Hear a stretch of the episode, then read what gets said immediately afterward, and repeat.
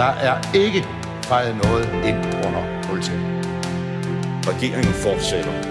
Derimod er det ikke nødvendigt, at statsministeren fortsætter. Der er ikke noget at komme efter. Per Helle, pas rigtig godt på dem. De er kun til låns. Fordi sådan er det jo. Ja, jeg kan bare sige, at der kommer en god løsning i morgen. Velkommen til Ministertid, programmet, hvor en forhenværende minister interviewer en anden forhenværende minister. Mit navn er Simon Emil Amitsbøl Bille. Jeg er tidligere økonomi- og indenrigsminister, men det skal ikke handle om mig. Det skal derimod handle om dig, Bernd Johan Kollet. Velkommen til. Tak. Hvor stor var risikoen for krig mellem øst og vest i 1980'erne?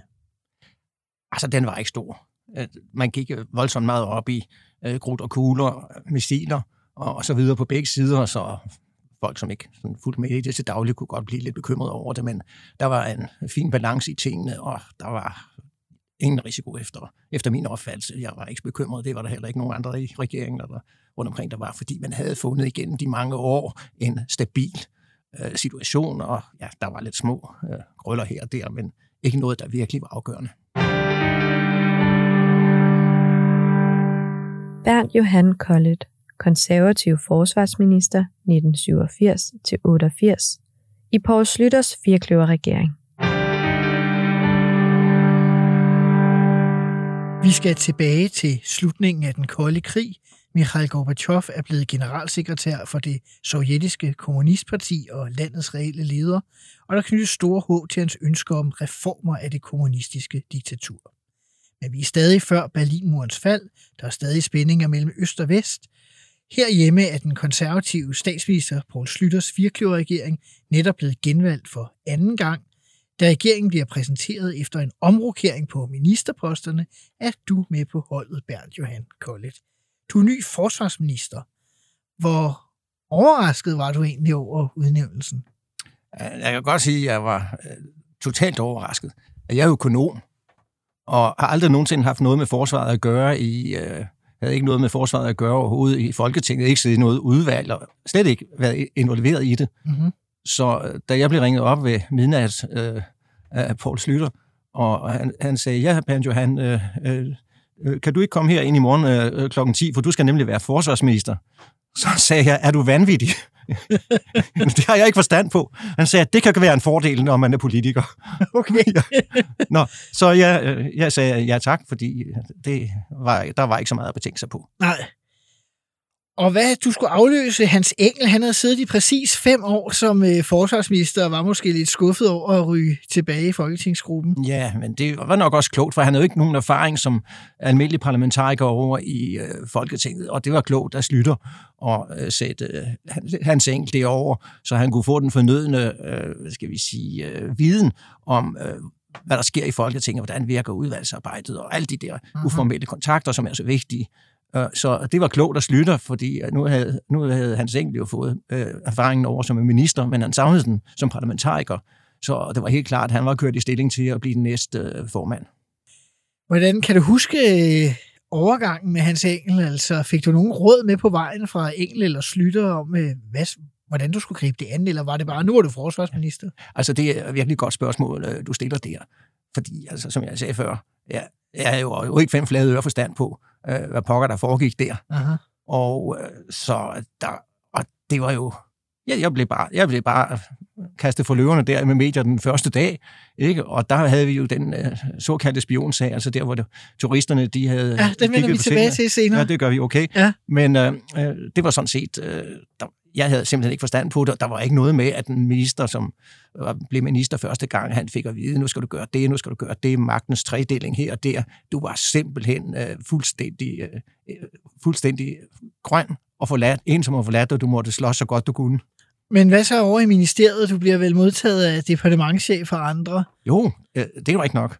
Men øh, det er jo klart, at når du kommer over der, og du skal jo først sætte dig ind i øh, altså en hel masse ting, Aha. Øh, og du, altså, du havde ikke mulighed for at trække på nogen som helst erfaringer nogen steder. Du var helt grøn på alle områder. Så der var det altså godt at have, en, have et, et, et godt ministerium, Og, og det havde jeg sådan set også. Altså en departementchef, som øh, var, øh, var klog og, og sådan set en, en relativt ideel departementchef. Ikke sådan en, som man tror, der, der forsøger at snyde ministeren ved enhver lejlighed. Ikke men en altså- Sir Humphrey. Ja, ja, men han, han, han havde et vanskelig, han havde et vanskelig, vanskelig opgave. Så øh, jeg blev... Øh, ja, men altså, til gengæld kan man jo sige, jeg kan huske den første, første dag, jeg sådan Ja. ja. arbejdsdag. Ja. Jeg gik op ad trappen og kom ind i forkontoret. Goddag, herre minister. Og, og jeg tænkte, Nå ja, det er mig. Og så blev jeg lukket ind i øh, måske nok Nordeuropas flotteste ministerkontor. Øh, det var forsvarsministerkontoret, som siden tror jeg er blevet boligminister. Erhvervsministeren Ja, jeg er erhvervsminister nu, ja. Rigtig, rigtig flot kontor. Og så var der to store døre, øh, og de blev åbnet, og så gik jeg igennem de to store døre, og så blev jeg sat ved mit skrivebord, og så gik sekretæren ud igen, så smækkede de to store døre, og der sad jeg. Og tænkte jeg, hvad fanden gør du nu? Hvad gjorde du så? Nå, så var jeg klar over, at det, jeg må have noget kontakt med ministeriet og forkontoret. Så jeg gik lige ud og sagde til øh, forkontoret, jeg vil gerne lige bede om et samtaleindlæg, øh, så vi øh, kan snakke sammen. Så ikke at jeg skal gå hele vejen øh, igennem det enorme kontor hen til enden, åbne de der to store døre, og så sige, øh, og så videre. Nå. Og jeg fik jo ikke noget samtaleindlæg. Nå. Og øh, jeg, jeg spurgte om det, og nej, det var så besværligt, og elektrikerne mig her og der. Så sagde jeg, nu må I fandme se at få det samtaleanlæg etableret, ellers ringer jeg til elektrikerne i Lundby, og så får jeg det lavet. så det var ikke lige nemt at slå i kinden. Og det endte ikke ved elektrikeren i Lundby. Nej, det gjorde det ikke. Så kom det selvfølgelig ikke. Ja, ja, ja. ja. Så efterhånden, så, så fik jeg lidt mere at skulle have sagt. ja.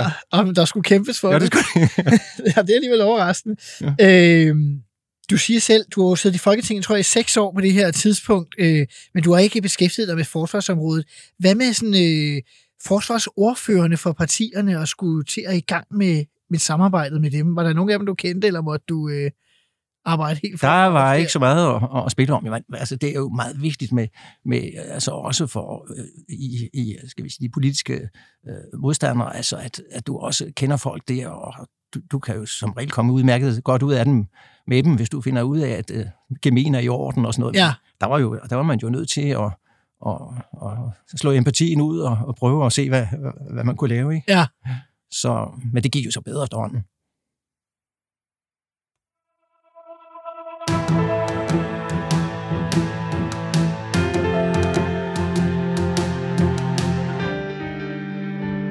Skal tale om de såkaldte fodnoter. I 1979 har den vestlige forsvarsalliance NATO truffet sin såkaldte dobbeltbeslutning, der betyder, at de vestlige lande vil sætte missiler op vendt mod Moskva, hvis ikke Sovjetunionen vil droppe sin missiloprustning i det dengang kommunistiske Østeuropa.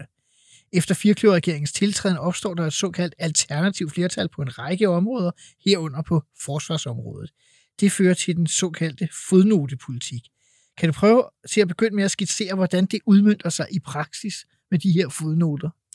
Altså i praksis, øh, så, så skete der jo det, at Socialdemokratiet, som øh, jo tidligere havde været på plads i, i de her spørgsmål, da de så kom i opposition, øh, så var det pludselig ikke mere på plads, og det lavede, et frygteligt, øh, lavede nogle frygtelige vanskeligheder for, for regeringen, og det medførte, jo, det medførte jo, at regeringen i virkeligheden var mindretal på, på forsvarsområdet, Uh-huh. og så skulle, øh, hvad skal vi sige, sno sig øh, for at, at, at komme i land. Og der var mange øh, samtaler imellem Slytter og, og, og Augen også øh, bag kulisserne for at, at få, få tingene til at, at fungere. Men altså, der var, øh, der var meget, meget store vanskeligheder. Ja, også Svend relation- var ny leder af Socialdemokratiet på det her tidspunkt, Ja. du bliver forsvarsminister. Ja, det er præcis. Ja. Og øh, så kan man sige i relation til, til vores øh, NATO-partnere. Altså havde de virkelig svært ved at forstå, at øh, vi var nødt til at øh, lave fodnoter i alle vedtagelserne. Øh, og som regering, og de troede jo sådan set, at det var regeringspartierne. De kan ikke forstå det der med, at en regering kan være i mindretal, og alligevel øh, blive siddende. Det er fordi, man havde den specielle situation med, at de radikale støttede regeringen, Præcis. men ikke regeringens forsvarspolitik. Lige præcis. Ja. Kan du prøve at beskrive sådan konkret, hvordan det egentlig foregår, når man kommer ned øh, til sådan et øh, forsvars NATO-møde? Jo. Øh, man ved jo, man ved jo allerede, hvad der er på bordet. Der, Ja. ja. der er jo ikke noget, der... Altså i hvert fald ikke for ministeren, der er overraskende, fordi Aha. Aha. det, har jo, det er jo afhandlet med NATO-ambassadører og, og den slags ting i forvejen. Men altså, der ligger jo så en, en, der ligger jo så en formulering, som skal vedtages. en form for udtalelse. Ja, fra, lige præcis. Ja. Og hvordan, hvordan forholder den danske regering sig nu til det? Og der var jo i praksis, så foregik det jo på den måde, at øh, at øh, jeg var nødt til at og altså sige til Slytter, hør, kan du ikke lige øh, prøve at ringe til Augen, og så se, om ikke vi øh, kan finde en eller, anden, øh, en eller anden formulering, eller kan vi, er det okay, at vi støtter det her, og, og så videre. Så altså, vi var fuldstændig i lommen på, på, på Augen, men som sådan set, øh, vil jeg sige, med det er lidt vanskeligt bagland, han havde gjort en hel del for at hjælpe os. Aha. Det er noget med, at øh, du kommer ned til dit første forsvarsministermøde, og allerede fra begyndelsen får et ret godt forhold til din amerikanske kollega. Ja, det, ja, det var jo så heldigt, at øh, altså, nu har jeg været, jeg har været i Amerika øh, en hel del år, og øh, omgives folk på et relativt højt plan. Som erhvervsmand.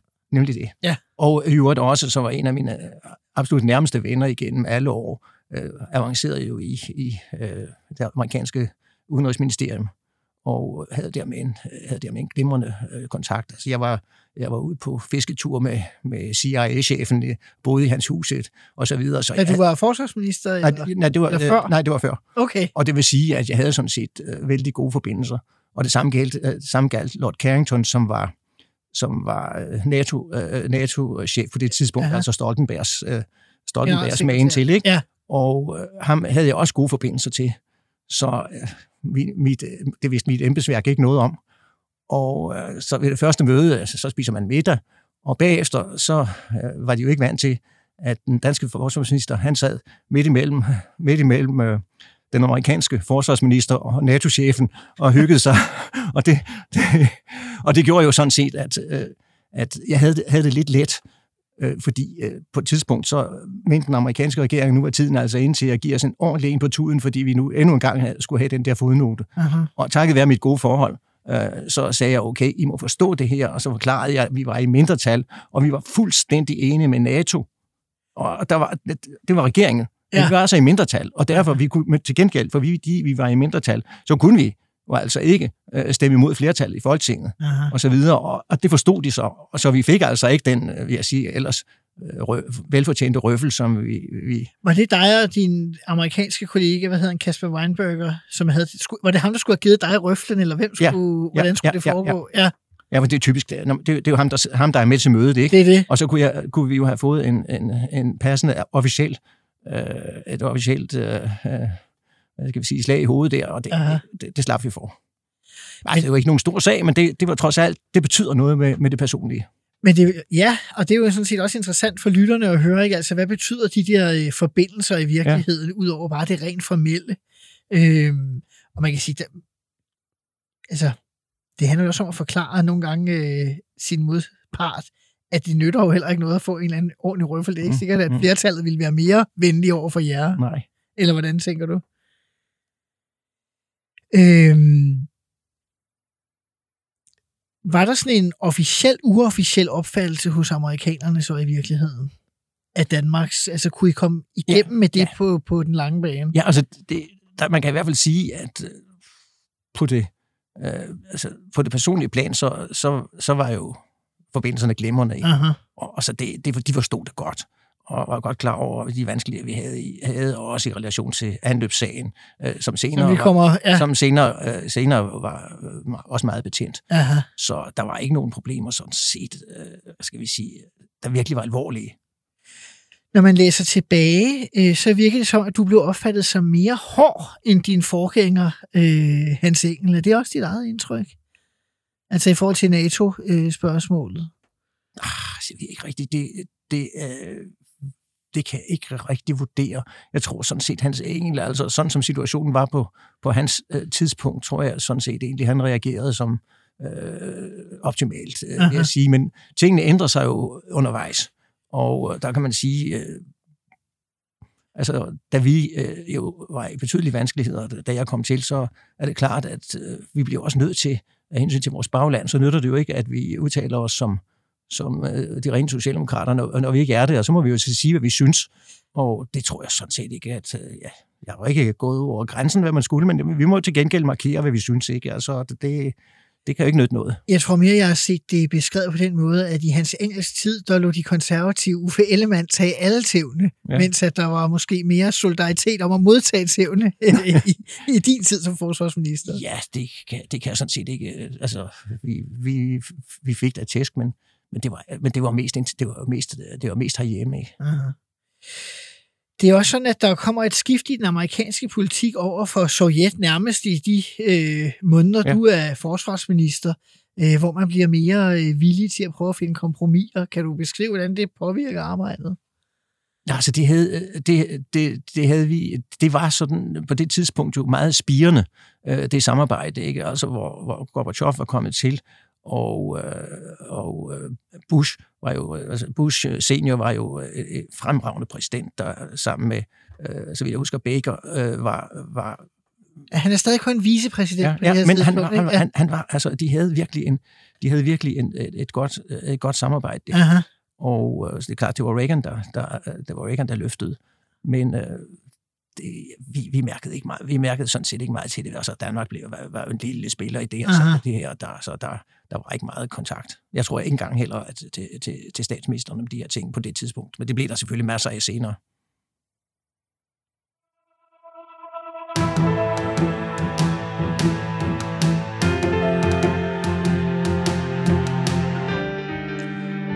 I programmet har vi noget, der hedder fem faste spørgsmål. De samme spørgsmål bliver stillet til alle de mange ministre, der kommer forbi. Det første, det var, øh, er der noget i din ministertid, som du gerne ville have haft gennemført, men som du ikke nåede? Og så nu må man sige, altså minister, i Forsvarsministeriet har man næsten ingen lovforslag. Altså det er, et, øh, det er sådan et, et lidt mere værktøjspræget ministerium. Mhm. Mm-hmm. Jeg havde øh, et, et lovforslag i min tid, som jeg fremsat, Ja. og det var et ganske pudsigt lovforslag. Det var nemlig øh, lovforslag om nedlæggelse af Christiania. Ja, Og øh, så det... det øh, der må, også- der må også have været et alternativt flertal. ja, det var det i hvert fald. Så, men det var mere en mark- markering fra, fra regeringens side. I fremsatte simpelthen et lovforslag, I vidste, Ja, ja, stemme ned. ja, der- jeg, jeg, jeg, har det hængt op i, i uh, Lasse Ramme derhjemme. Det, det var det også. Ud, Udover selve sagen, så er det vel også meget symbolsk. Altså, da jeg var minister ja. Mange, mange, mange år senere, jeg tror, at Lars Lykke han ville aldrig have accepteret, at vi fremsatte et forslag, vi vidste ikke blev øh, stemt igennem. Ja. Så det er jo egentlig sjovt, man laver sådan en Ja, markering. men uh, det, det var, altså, vi var jo i, i øh, betydelige vanskeligheder, fordi vi var i mindretal så forfærdeligt mange steder, og det Ja. var så nødvendigt, at, at man uh, viste, at uh, vel, uh, vi dog stadigvæk vi er dog stadigvæk borgerlige og, og har de rigtige synspunkter, ikke? Og det, altså, det var, der blev ikke så meget ballade om det, det kunne de godt forstå. Er der noget fra din ministertid, du er flov over? Nej, altså, det, det kan jeg sige nu, min hukommelse er på det punkt der, det er mod mit livssyn og sådan, og, og, og grave i sådan noget mere. Jeg kan ikke lige komme i tanke om noget. Nej. Øh, du nævnte for mig til gengæld, at der var sådan en lidt øh, pussy sag øh, mellem dig og, og en anden minister. Ja, nå, ja, det er... Det, vi havde jo en, en, jeg, jeg var på vej hjem øh, en fredag, og jeg tænkte, det var for første gang, jeg ved ikke, hvor lang tid, at jeg regnede med at få en nogenlunde fredelig weekend. Så havde jeg lige fået pakket papirerne sammen og puttet ned i mappen, og ved at gå ud, øh, så kom sekretæren faren og så sagde, at øh, det er energiministeren, det er energiministeren, han er meget ophidset øh, i telefonen. Kan, øh, nå, jeg måtte jo så tage telefonen, og, og det var så energiminister Svend Erik Hormann, der sagde, ja, der er stor storm ude i øh, Nordsøen, og jeg tænkte, der kommer det også ved. og, og, og, der, og, og der er en slæbebåd, øh, som øh, har, er i gang med, eller har været i gang med at slæve et enormt fragtbåd øh, afsted til, til værft. Og så er trossen sprunget, og nu flyder slæbebåden lige imod øh, de danske olieboringsplatforme. Og øh, man kunne godt se sådan en, en, en, en kæmpe stort fragtskib på tværs der, der lige kunne jævne øh, de der olieborings-platforme med, jord, med jorden, eller med, med vandet rettere sagt. Ja, ja, Og, og, og med altså masser af folk, som ville dø. ja. Altså, det var, det var alvor. Aha. Og så sagde han, kan du ikke bombe, kan du ikke bombe den fragtbåd? Og jeg tænkte jo, hvad søren. Nå, øh, det, det, det var ikke så godt. Det var ikke nogen dansk båd.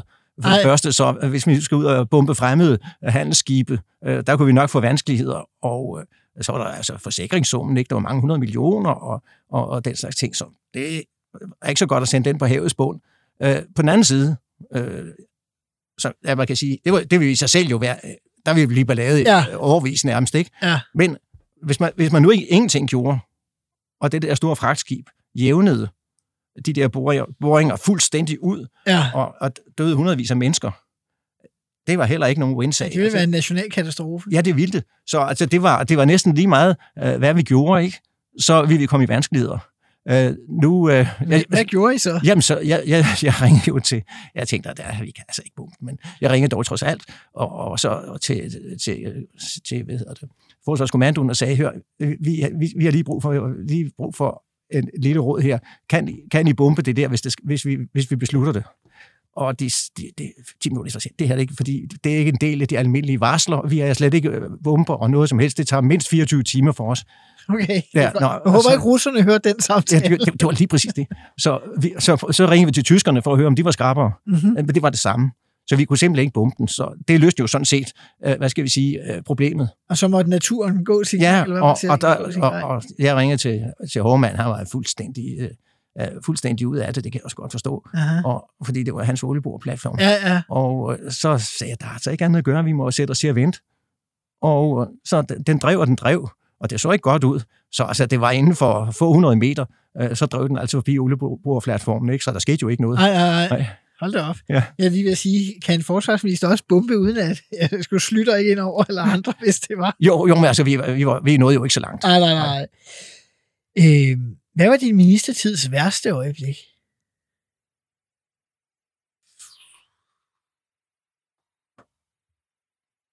Altså, det var nok i forbindelse med, det var også i forbindelse med anløbssagen. Øh, Det var der, vi, det var der, vi var i, i betydelige vanskeligheder, fordi det vil sige, at på vores område, det var jo der, der er blevet skrevet valg. Ja, Ja. ja. og det vender vi tilbage Ja. til øh, senere. Øh, har du nogensinde bagt en revkage som forsvarsminister? Nej, det gør man jo aldrig som politiker. Nej, det, det er der mange, der siger. Der er faktisk også nogen, der fortæller om, at de alligevel har gjort det, står her. nej, nej, men øh, nej, det er ikke sådan. Altså, ikke noget, der ligger ud over, hvad der er, øh, hvad skal vi sige, god skik og brug i, øh, altså i, almindelig, i almindelig politisk sammenhæng. Det har jeg ikke øh, erindring om. Det sidste af de fem faste spørgsmål, det hedder, hvem var din værste kollega? Du mener i, øh, Altså på borgen. Øh, på det tidspunkt? Ja. Ja. Øh, Ja, det, ja, det, jeg, jeg, har- jeg husker ikke rigtig nogen, som jeg sådan synes var værst. Altså, jeg betragter aldrig, ri- er aldrig rigtig betragtet i øh, altså, Folketings øh, samarbejde. Altså, der har man ikke venner, og du har heller ikke fjender. Aha. Jeg plejer altid at sige, at du har ikke venner, men du har forløbige forbundsfælder. Det kan man sige. Man kunne så også sige på en anden måde, øh, hvem gav dig mest besvær i arbejdet? Ja, det var jo Svend Augen. Det var Augen selv, og Jo, men jeg havde, vi havde, jo- jeg havde nogle sager med ham, som øh, var meget ubehagelige, ikke? det er bestemt. Også ud over den øh, med... med Ja, men du ved sådan noget, hvor skal, hvad for nogle værfter, hvad for nogle værfter skal jeg bygge hvilke skibe, og de, skibe, som nu boede, øh, boede hos Augen, øh, det var selvfølgelig, øh, det, det var så der, at, det var så der, at man, øh, han absolut øh, ville have, have, have os til at træffe beslutninger om, at, at vi skulle bygge skibe, skibe på hans værft, og ikke det sted, hvor det var det rigtige at gøre det og sådan noget. Altså, men det, det, var, det var meget ubehageligt. Fordi det handlede om at få arbejdspladserne placeret. Ja, ja, og så, ja, ellers får du ikke noget forsvarsforlig, du ved, og sådan noget. Ikke? Altså, det, ja.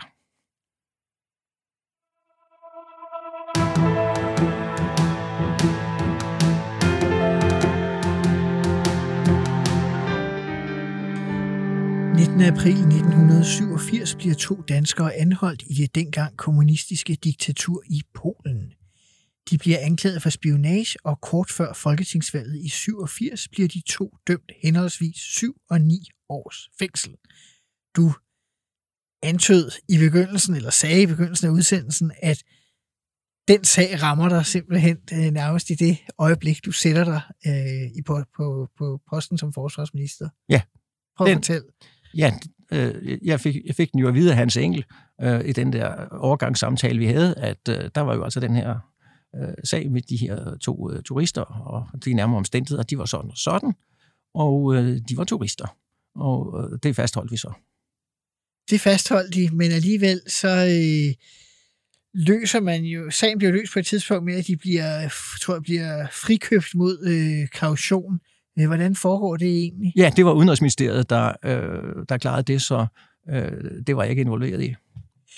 Det har senere været sådan, at både din forgænger Hans Engel og øh, de udenrigsminister Uffe Ellemann, nu afdøde, har bekræftet, at der var tale om øh, danske spioner, mm. sådan som polakkerne sagde, og mm. ikke turister, som man officielt sagde, som Ja, du også ja. lige sagde. Øh, Kan du prøve at skrive de dilemmaer, der er i sådan en situation? Altså, hvor man er nødt til at fastholde en historie udad til, selvom man får at hjælpe, eller hvad man, altså hvordan, hvad man gør i sådan en situation. der, er jo ikke, der er jo ikke andre muligheder end dem, som, øh, som, øh, øh, som Engel og, og Ellemann, øh, de øh, udnyttede. Altså, de, de, kunne ikke, de, de kunne ikke gøre andet, og jeg, jeg mener, det, den var korrekt behandlet, øh, sagen. Altså, det, der er ikke andet at sige til det. Der var noget kritik i Folketinget øh, efterfølgende. Jo, det, sådan er det jo ikke. Altså, at øh, øh, nu er lidt i fanget, og det var jo retfærdigt, for det var turister. Ikke så, man går ikke sådan rundt og fanger turister på den måde, og spærrer dem ind og giver dem fængsel, vel? Altså, så, og, så, ja, og så skete der jo det, at de pludselig kom ud, øh, og hvorfor gjorde de nu det? Øh, ja, det var en øh, spejlet historie. Men jeg kan ikke lade med at grine lidt, fordi du fastholder sådan lidt det, med undskyld udtrykket, koldkrigsretorikken omkring sagen. Man kan sige, nu er det jo mange år Ja. senere, det polske Jo, jo. kommunistiske militærdiktatur findes ikke øh, Nej, længere. det gør det ikke, nej, det gør det ikke. Men du synes ikke, at der... Nej, jeg, jeg har ikke sådan videre lyst til at, at, at, at, at sige, mere, sige mere, end jeg, jeg siger om det her. Synes du, politikere er blevet for åbenmundet? At hvad? Synes du, politikere generelt er blevet for åbenmundet om det? Nej, det synes jeg, ved hvad, det synes jeg ikke. Altså, men øh, man kan da, man kan jo øh, se, hvis man nu kaster sådan et blik på, øh, hvad der øvrigt er sager lige i øjeblikket, at øh, der var måske nogle politikere, der skulle holde mund, det ved jeg ikke.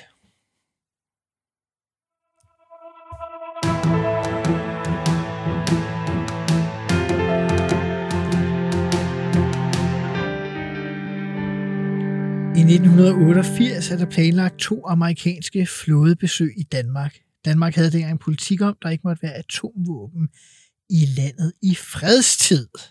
Men det skal ikke gå så nemt, Bernd Johan. Øh, Det er noget med, SF gerne vil have en dagsorden øh, vedtaget i Folketinget om, at øh, man skal sige, at man ikke vil have atomvåben. Hvordan øh, oplever du den sag? Ja, så det var jo, øh, det var jo en sag, der, hvad skal vi sige, øh, var meget, var meget, meget, meget øh, behendigt øh, behandlet. Altså, hvis vi havde jo til med også en vedtagelse om, at vi ikke ville have øh, atomvåben på dansk jord. Ikke? Mm-hmm. Og, og det vil sige, at det er et øjeblik, der så kom et amerikansk skib øh, og, og lagde til med atomvåben ombord, jamen det, det, måtte, det måtte det jo så ikke. Og øh, så havde man altså udviklet i praksis, øh, både i Danmark og i Norge, så havde man udviklet en øh, fremgangsmåde, øh, hvor øh, man øh, sagde til amerikanerne, at øh, vel, øh, I kender vores politik på området, og når amerikanerne blev spurgt af øh, medierne, øh, så havde de, øh, om, der var atomvåben ombord på deres skib, så havde de det, der hed neither confirm nor deny. Mm-hmm. Det vil sige, hver- hverken bekræfte eller nægte. Aha. Og sådan var det. Og den holdt man så øh, kørende på den måde. Det kører de mange. Det gjorde den, men det, ja. til gengæld så, øh, kan, så var den samme situation jo opnå, opstået nogle år tidligere øh, på den anden side af jordkloden, nemlig i det, der hed ANSUS.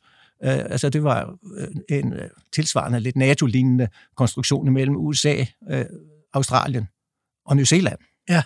Og på New Zealand, øh, så gjorde de det, øh, som vi ikke ville gøre i Danmark, nemlig at, at skrive til øh, både, bådens kaptajn, at øh, de måtte ikke have atomvåben med ombord. Mm-hmm. Og det, det var det, som vi ikke ville. Og hvad, hvad, hvordan reagerede USA i forhold til New Zealand? De smed New Zealand ud af ANSUS.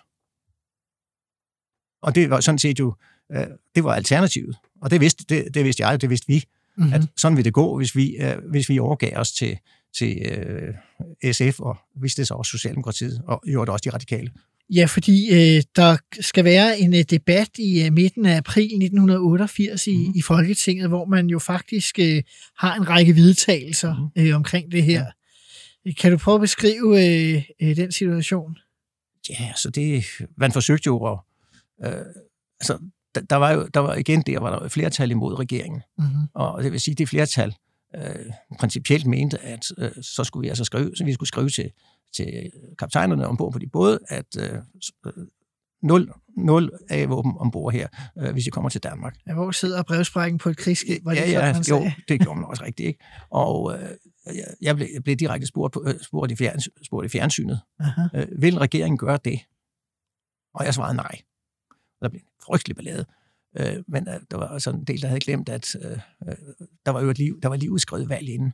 Så der, der blev en frygtelig ballade, men altså, situationen er jo den, at der står i grundloven, det er regeringen, der fører øh, udenrigspolitikken. Aha. Og, og det vil sige, at der var ikke nogen, der kunne gøre noget ved, og specielt ikke, da der var udskrevet valg, så er det meget, meget svært at lave et mistillidsvotum til regeringen, der, der allerede skal være valg. Så altså, vi gjorde det ikke. Selve valget blev udskrevet øh, efter, at der var den her debat i Folketinget, hvor at Socialdemokratiet vist nok havde sagt til Poul Slytter, at man godt kunne stemme for regeringens... Øh, nej, de, radikale, de radikale, ja, der kunne stemme ja, ja. for regeringens øh, forslag.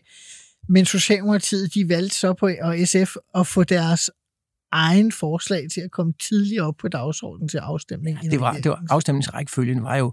Øh, øh, det var det, der var det afgørende. Aha. Og øh, så, så mente øh, så mente hvad hedder det, regeringen, at øh, afstemningsrækkefølgen var sådan, at øh, der ikke skulle være valg. Og det, og, og med til gengæld, øh, så, så mente man også, så mente Slytter også, at man, det havde man aftalt med Svend om. aha. Og øh, det var altså, der, der var mægtig ballade om, det nu også var tilfældet eller ej, og øh, regeringen sagde vel nærmest, at øh, aftalen var indgået, og Svend Augen havde, han havde ikke det bedste ry med hensyn til at tale sandhed. Og så mente man altså sådan set, at han ikke talte sandhed der. Men det var alt, alt kan nu sådan set være lige meget, fordi øh, afstemningsrækkefølgen blev den negative, og det vil sige, at det medførte valg. Men den blev negativ, fordi der var en aktiv indgriben fra SSF's side, fordi ifølge Folketingets forretningsorden kommer regeringens ja. udgangspunktet først, Præcis, ja. og så afleverede de nogle underskrifter for at få det i en anden rækkefølge. Ja. Og så udskrev Slyttervalg ja. Fra Folketingets ja. Ja. talerstol. Ja. Og det er jo en meget dramatisk øh, situation egentlig at have valg om, jo indirekte om Danmarks forhold til NATO. I høj grad. Aha. Jo, men det var jo sådan, øh, det var sådan at der skulle være stort NATO-møde i Vejle, hvis jeg husker rigtigt. Og, og øh, det, øh, det aflyste man simpelthen fra NATO's side, øh, fordi øh, altså, og de her omstændigheder, hvor man jo ikke vidste, hvor Danmark kom til at, til at ende og alt muligt andet, så mente man ikke, at, at Danmark øh, måske lige var det mest loyale og herlige sted, øh, man kunne holde sådan et stort øh, NATO-møde. Men man kan sige, nu sammenligner du før med New Zealand, og man kan sige, New Zealand lå på den anden side Ja. af kloden, og måske langt fra øst-vest-konflikten. Ja. Tror du, at det er din vurdering, at hvis man havde holdt fast i, i brevsprækken, så at sige, eller i, at man skulle bekræfte eller afkræfte, tror du så, det havde fået den konsekvens, at Danmark lige frem blevet smidt ud af NATO? Ja. Det tror du? Ja. Også selvom vi lå øh, på tærsklen til Østersøen og fredens hav, så at sige, en sovjetisk Jeg, retorik. jeg kan ikke se, hvad alternativet skulle være. Nej. Altså, det er et så vigtigt principielt spørgsmål, det der.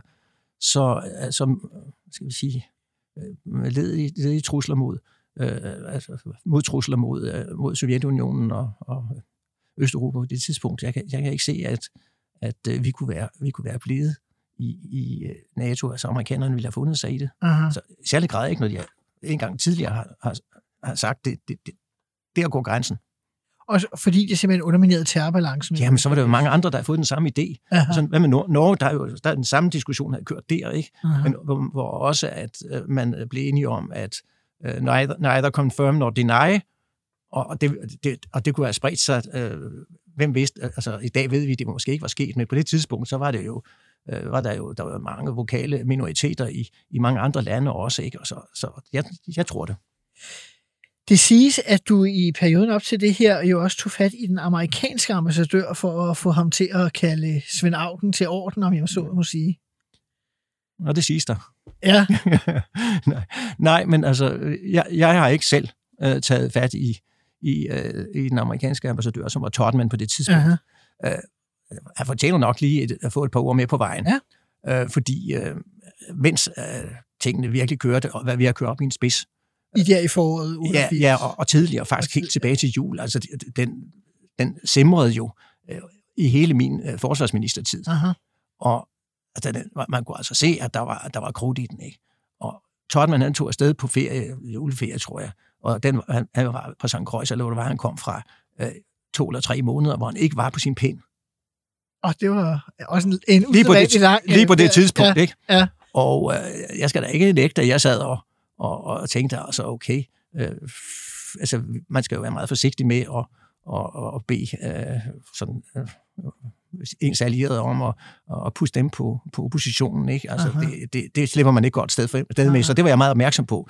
Men vi havde Forsvarsministeriet, så havde vi altså øh, vi havde jo meget, meget store anfægtelser om Aha. her, og kunne se, hvor det bare hen af. Og jeg var altså rigtig sur over, at øh, Tottenham han øh, ikke passede sit arbejde. Og, og, og altså, normalt så ville jo Amerika også med den beliggenhed, vi har, og sådan noget, så ville han jo, så, så havde det været naturligt, Ja. at han gik til den, ikke? Mm-hmm. Men øh, altså, ja, vi, havde, vi havde et større møde, jeg var, jeg var rasende i, øh, i, øh, i ministeriet, og så sagde jeg, hvad søren, altså det, hvad, hvad tænker amerikanerne på, ikke? Aha. Men jeg, altså, jeg tror måske, trods alt, at jeg var blevet så vred, øh, så der var en eller anden, der havde sagt det til, til, øh, til amerikanerne. Okay. Og det var tre dage, så, så kom han. Så kom han. Ja. Og fik du så et møde med ham? Nej, jeg, jeg har ikke haft noget med Du havde ikke noget møde nej, med nej, ham? du Nej. jeg, var klog nok til ikke at gøre Ja, det. ja. Var, fordi, Du så har jeg fået ballade. Du lå signalerne Nej, det var, ikke, ja, det var faktisk ikke engang, det var ikke engang bevidst. Altså, Okay. at det gik på den måde her. Øh, det gik bare sådan. Og det vil sige, at så, gik han, så havde han jo møde med Augen, men der var jo allerede sagen afgjort i øh, den socialdemokratiske folketingsgruppe. Og Så han kom for sent? Han kom for sent, simpelthen. Altså fordi han holdt ferie det år. Aha. Nogen sagde, at det var fordi, han, øh, han var blevet sur over, at han skulle være sådan en slags token øh, ambassadør til Sydafrika øh, li- du, øh, under den tid, hvor der var, hvor der var, hvor der var apartheid og, og, og den slags ting. Så sad han der og var sur over på, på St. Croix. Det var, det var rygterne, der sagde det. Ikke? Okay. Altså, men det kunne vi jo ikke tage at sige. Det var ikke vores problem. Aha. Men det hele øh, ender jo så, som vi allerede har været inde på, slutter han udskriver, øh, udskriver det her øh, valg. Som jeg har læst mig til, så, øh, jeg ved ikke, hvordan du oplevede det, men det er det, jeg gerne vil høre, men som jeg har læst mig til, så er der faktisk meget af valgkampen, der ligesom handler om andre ting end selve atomtingen. Altså det foregår ligesom på to niveauer den normale mm. valgkamp, fordi det er også lidt svært at diskutere, øh, fordi forholdet til NATO, altså også Socialdemokratiet var det måske Mm. lidt betændt. Altså hvordan oplevede du det? Du var selvfølgelig forsvarsminister, så det fyldte måske Oh, men der var, mere hos dig. Ja, altså det er klart, at øh, øh, fordi det foregik på vores område, så øh, var vi jo meget optaget af os, øh, lige præcis den vinkel af. Og øh, så vi, øh, jamen der, der skete jo også undervejs, så kom der pludselig et stort, stort russisk skib, der sejlede gennem Storebælt. Ikke? Det blev jo flot fotograferet og, og, og vist i valgkampen og, og, og sådan noget. Og, altså, der, der blev skam. Der, det, vi holdt øje med, hvad der skete, og, og, og talte meget om det. Altså det vil jeg nu nok sige, og aflysningen af, af, af NATO-møde og sådan noget midt i det hele. Altså det var, det var et almindeligt NATO-møde, ikke, som man var nødt til at aflyse på grund af, af Danmarks øh, stilling til, til øh, de her spørgsmål. Det var, det var alvor. Det er jo det her øh, valg i 1988, hvor det radikale venstre har sådan en kampagne, der hedder Forår og Helve, som ja. Ja. skulle signalere et eller andet øh, uafhængighed tror Ja. jeg, i forhold til regeringen, men ja. Ja. heller ikke for tæt forhold til Nej. Socialdemokratiet. Nej. Det er jo nærmest nutidigt, øh, når, man, når, Ja, det man, er sandt. når man ser det. Øh, hvordan var dit forhold egentlig til, til regeringens støtteparti efter sådan øh, 8-9 måneders tid som forsvarsminister, hvor at de radikale vel havde en, set fra din stol, lidt uheldig rolle? Ja, det havde man nok. Jeg havde sådan set personligt et, øh, hvad skal vi sige, usædvanligt venskabeligt forhold med, med Niels Helvig. som var leder af det radikale Ja, det var det. Og altså, han, vil jeg sige, var nok ikke sådan den mest øh, ærketypiske radikale. Altså, han kunne meget godt have været en, en god konservativ, og ja, jeg kan da fortælle en sjov historie øh, fra den tid. Vi var i, vi var i øh, Bryssel øh, til et EU-møde, øh, Niels Helvig og jeg og nogle andre, og øh, så øh, på det tidspunkt, så øh, bombede Reagan Libyen. Og det var jo sådan alvor. Gaddafi. det, ja, det, ja, det skal jeg lige love for. Det var alvor, ikke? Og ja. der, han gik løs, det gik løs på den. Og øh, så, så sagde jeg til Nils Helve, hør, Nå, hvad siger sådan en, en radikal til det? Så sagde Nils, det har han længe trængt til. Og- så det, altså, det må man jo Ja. sige er en radikal, og, altså, det, var, det, og det, var, det havde han jo også, fordi Gaddafi var et frygteligt væsen. Ja. Altså et vemmelig mand med en elendig karakter. Ikke? Ja. Det kunne ikke være værre. Ej, Og, og det var jo typisk for, for Niels Helvig. Altså, han var et ordentligt menneske, ikke? Det var han. ja, og altid meget øh, øh, aktuel med en finurlig kommentar til de fleste ting. Jeg har ja. Siddet i folketingsgruppe med ham også i, ja. I, i en årrække. Ja. Ja. Du sidder kun et lille års tid som forsvarsminister. Hvad, øh, der bliver firkløverregeringen bliver afløst af KVR-regeringen, ja. Ja. altså de radikale kommer ind i regeringen, i stedet for at se det af Christi Folkeparti efter lange og Ja. drøje forhandlinger, fire ja. dronningerunder. Det er næst flest dronningerunder, tror jeg, efter Ja, ja, det- et ja, ja, ja. folketingsvalg kun overgået af valget i 75. Øhm, hvad er egentlig din egen læsning af, at du ikke bliver genudnævnt efter så kort tid? Tja, det var, det var svært at sige. Altså, de skrev i Jyllandsposten, de kunne heller ikke forstå det. Men øh, Det var pænt af dem. ja, det var jeg også glad for, ikke? Det var Ja. sådan, det var ikke det morsomste, og Nej, øh, morsomste ikke at blive genudnævnt, altså, men øh, sådan var det jo det. Og øh, ja, for min, øh, ja, det, jeg, jeg, vil, sige- jeg vil sige, at jeg synes jo, det var sjovt at prøve. Aha, fordi Ikke? når man læser bøger, så, Ja. så, så står der sådan to mulige forklaringer. Ja. Øh, men jeg kan jo allerede høre på den snak, vi har haft, at jeg tænker, at du vil afvise dem begge. Ja. Den ene, det skulle være forholdet til de radikale. Øh, at de sådan, synes, du var for hård i filten. Nej, det, det tror jeg. Altså, det, Det tror du ikke på? Det tror jeg ikke på. Og den anden, det var øh, mistanken om, at du havde fået Totman til at, at blande dig i forhold til Augen. Nej. Det tror det, du heller ikke Nej, på. det tror jeg ikke. Altså, jeg, jeg, jeg, jeg fik, jeg fik no, der var nogen, der sagde Knud, Knud Indgaard. Ja. Altså, han, han skulle være minister, og det eneste, han ville være, det var forsvarsminister. Og, og sådan var det, og så, så, så røg jeg ud. Aha. Uh, om det er rigtigt, det, det ved jeg heller ikke, men altså, øh, det, det, det, det er svært at sige. Hvordan foregik øh, sådan en øh, afskedelse egentlig? Jo, det, altså Slytter var, han var, han var ikke meget for at, at, at lave det, altså. Og øh, jeg kan også huske Isi Freuchen, som jo var en super dygtig skatteminister for øh, i fire år, ikke? Og Isi, han sagde, ja, altså, så skulle man da tro, at, at øh, Slytter havde bedt ham om at komme over, og så er det takket ham for alt det, han havde lavet de fire år, og Isi Freuchen havde været en fremragende minister, ikke? Og Aha. gjorde et kæmpe arbejde. Og nej, han ringede simpelthen bare op, og og til, til, han ringede bare op til, til Isi Freuchel, og så sagde jeg, jamen desværre, vi har ikke brug for dig mere, og tak for denne gang, og så var det overstået. Og var det også sådan, du selv oplevede? Ja, ja så, så sagde Slytter, at ja, øh, ja det, øh, han sagde, det, det er svært, så øh, øh, kabalen kunne ikke gå op, så, eller hvad han nu sagde, jeg kan Ja, ikke huske den ja. ja. men altså, det var, det var, det var, det var ikke sådan en, øh, en lang, følelsesfuld øh, samtale, altså den var jo på under et minut, ikke? Ja. Og altså, det, det, sådan var det. Men det, det, er jo, det er jo politik i, altså en nødskal, ikke? Og det er jo også, når du er færdig med at være i politik, og du har tjent dit parti tro i masser af år, Aha. ikke? Og så, så den sidste dag, så skulle man så tro, og så er der en afskedsmiddag og et eller andet. Vel er der ej.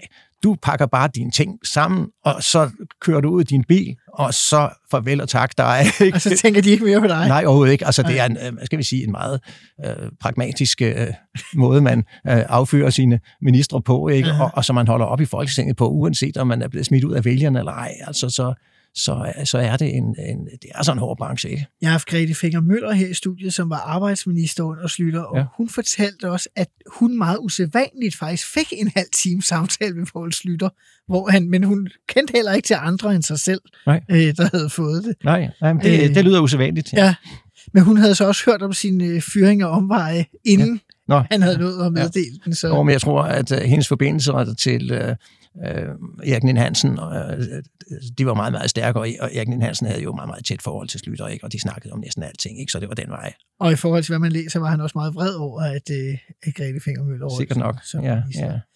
Øh, men det er jo egentlig meget interessant det her med Slytter som regeringschef. Øh, altså, hvordan oplevede du egentlig Slytter som regeringschef? Altså, er blændende dygtig. Aha. Og det må jeg sige, altså, det, øh, det jeg drøftede også, øh, jeg drøftede meget med Niels Helve, som jeg havde det vældig hyggeligt med. Kendte du Nils Helve for, fra Folketinget selvfølgelig måske? Jeg kan, ja, men på en eller anden måde, så du ved, vi, øh, vi, havde, vi havde en god kemi, Aha. og øh, snakkede en del om det, og så mødte jeg ham en gang, øh, og vi var ude til middag, vi sad og snakkede i hjørne, og så snakkede vi lidt om Poul Slytter, og så sagde han, ja, øh, sagde Niels Helve, efter hans opfattelse, øh, så var Poul Slytter øh, den i særklasse dygtigste politiker i 1900-tallet. Det er alligevel noget af en karakteristik. Men skal man også huske på, at han sad i en mindretalsregering, en mindretalskoalitionsregering, Mm-hmm. som er den svageste af alle regerings, øh, regeringskonstellationer. Altså, det kan, hvis man er mindretal øh, et parti, så har man da kun sig selv at, at, at holde fast i, ikke?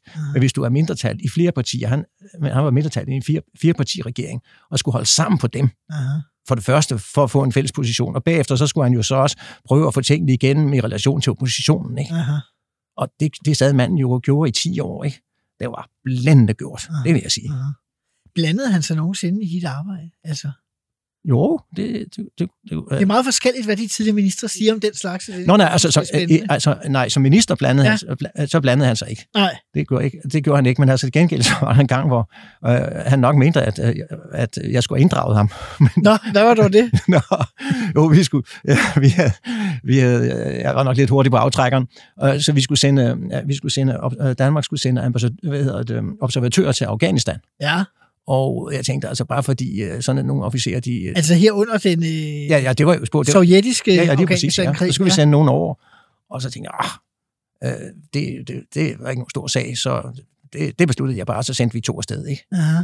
Og øh, det synes Slytter altså ikke lige præcis. Den skulle have været igen udenrigspolitisk nævn og hele øvelsen, men altså, der skete jo ikke noget det, udover at han sagde, den der dansker, du altså må du ikke gøre igen. Ej, Nej. fordi Folketinget lige skulle have været Ja, ja, det informeret. også have været. Det, Ja. altså, det, det, det, var en fejl, jeg lavede, ikke? Det var det, Jo, men, jo. øh, men det, var, det var ikke en stor fejl. Ej, ej, det tog han okay. Ja.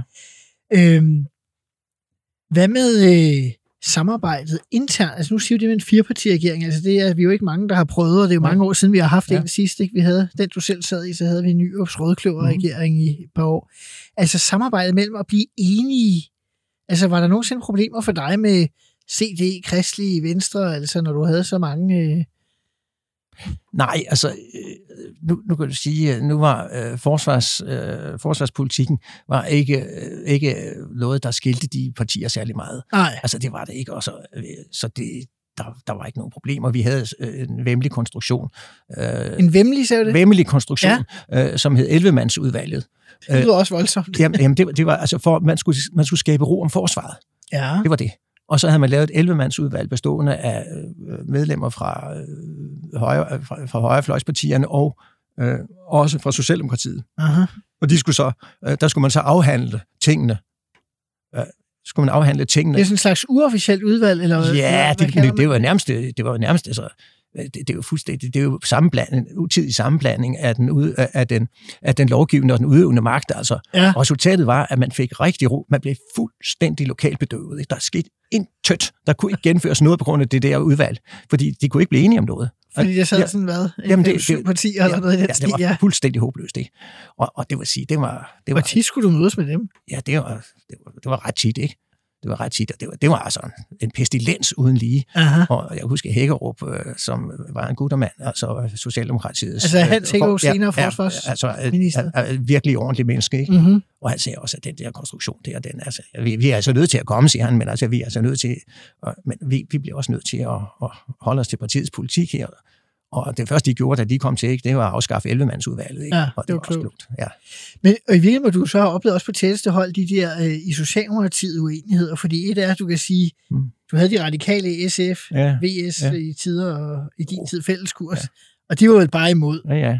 Men Socialdemokratiet var jo i de her år en kæmpe brydning. Ja, det var Øh. det nemlig. Men det havde jeg også stor fornøjelse af. For eksempel havde jeg jo et glimrende forhold til Erling Olsen, øh, som, øh, jeg sad, som jeg sad i, øh, Senere jeg sad i Finansudvalget med. Senere folketingsformand og Ja, ja, og boligminister, ikke? Boligminister, Øh, boligminister, og ja. ham havde jeg glimrende forhold til. Aha. Og han hjalp, han hjalp altså øh, i Finansudvalget øh, med at få ting igennem. Altså, der var, der var en stor, øh, virkelig stor øh, investering, som, som vi skulle lave i forsvaret, og øh, hvor, som kunne have været svært at få igennem uden ham.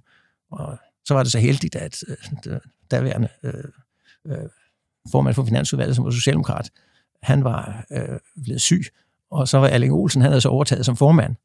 Og der fik jeg så lige øh, lærket den der investering igennem, med takket være Erling Olsen. og Augen var rasende bagefter, men det var vedtaget. Ja. Man kunne ikke gøre noget. Så det, den slags, øh, kan man sige, forbindelser er- kan jo tit være...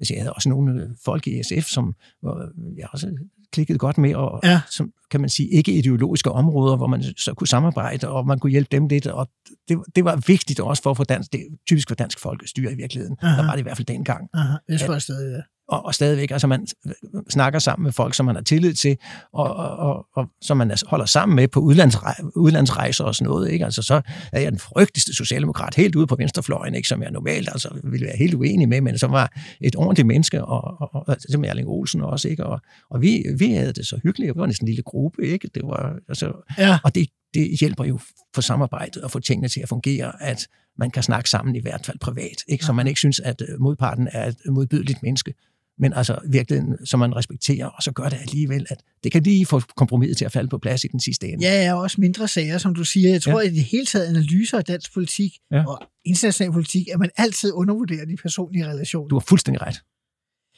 En sidste personlig relation, jeg bare havde tænkt mig, at jeg gerne ville vende med dig, det var øh, Pelle Fugt, Ja. SF. Ja. Hvordan fungerede det egentlig? Altså, han var jo meget øh, op på de ideologiske navler. Jeg Nej, har lige læst hans erindring også. Ja. Ja. For, nej, men ham, ham havde jeg intet at gøre med. Altså, det var, det, han var uden for min pædagogiske rækkevidde, vil jeg sige. det var kun øh, ja, nede i salen, hvis der var Ja, noget. det- Eller til, Jeg husker, at jeg slutte omtalte ham som frisørmesteren. Ja, altså det var, han, han var, han, ham kunne man ikke rigtig øh, lave noget. lave- Altså, SF var meget, meget vanskeligt dengang. Det, Ja. det var det virkelig. meget mere venstreorienteret, end de er i dag. Ja, ja, virkeligheden. ja, er men det, det, er jo svært slet ikke til, ved at- det er jo slet ikke til at, at sammenligne, vel? Nej. Nej. Det er jo svært at se forskel på en SF og en socialdemokrat i dag. Altså, det vil jeg sige, men det var det sandelig ikke dengang. Nej. Da du så var færdig med at være forsvarsminister nu, er Ja. du desværre blevet fyret af Poul Slytter her. Ja. Vi er i, i 88. Jeg vil sige, hvad så? Altså, man siger jo, at noget af det mest vanskelige for en politiker, det er at være forhenværende minister, når man... Øh, Nej, altså jeg havde, jeg, jeg vil faktisk sige, at jeg havde besluttet øh, til det valg, Ja. hvor jeg blev udnævnt til minister, Ja. så har jeg sagt, okay, det er min sidste periode.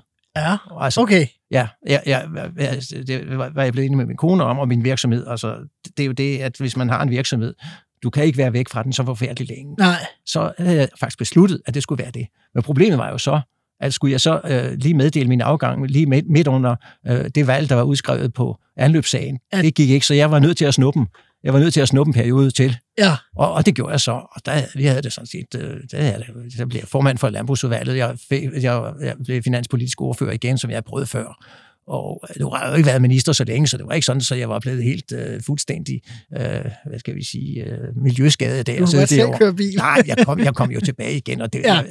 de samme hyggelige folk i folketingsgruppen, som jeg havde hygget mig med før, og som Ja. jeg også haft forbindelse med, mens jeg var minister og sådan noget. Så ja, altså, jeg havde ikke nogen sådan øh, bonanger, eller hvad, hvad, jeg ikke bonanger, men jeg skal sige, jeg havde ikke nogen sådan øh, blues, eller jeg var trist, Nej. eller sådan Nej. noget. Nej, det ligger nu heller ikke til, mit, øh, til, til min, til, altså, sådan min almindelige holdning. Ikke? Altså, jeg er normalt et godt humør, og, og kan altid se de positive sider i sagen, så det, det, det, ja, det ærgerede mig da selvfølgelig. Det har været sjovt at fortsætte.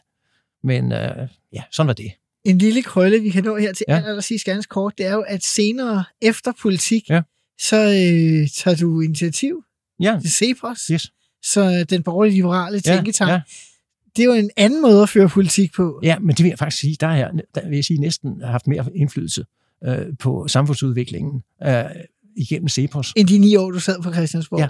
Det, det, må, det må man faktisk sige. Ikke? Altså, det, det, det tror jeg godt. Jamen, jeg, som et eksempel, ikke? Altså, selv da jeg var forsvarsminister, jeg skulle have et møde med finansministeren. Ikke? Det var næsten ikke til at få fat, det var næsten ikke til at få fat i ham at få lavet et møde. Men da jeg var formand for CEPOS, og øh, jeg, jeg godt lige ville have et møde med, med Claus Hjort, Som var finansminister. Fordi... Ja, ja, så, så, sagde, så, så, så sagde han, ja, der er hyggeligt, Bernd Jørgen. Kommer du ikke over og spiser frokost, ikke? det er meget tankevækkende. Ja. Det var, men hvad var det, finansminister? Var det Palle Simonsen? Da du Ja, det var det. Ja.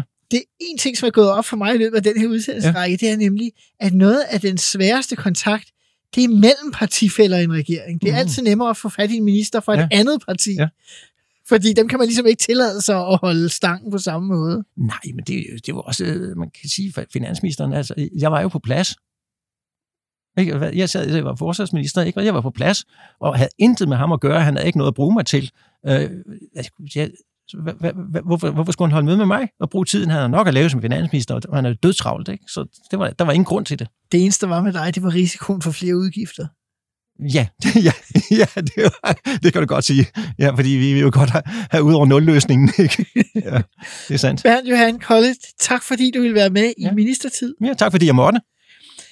Du har lyttet til Ministertid på 24-7. Mit navn er Simon Emil Amitsbøl Bille, og jeg er tilbage igen i næste uge med endnu et afsnit af Ministertid. Husk, du kan lytte til alle tidligere afsnit på 24-7-appen, eller hvor du plejer at høre podcast. Tak for i dag, og på genhør i næste uge.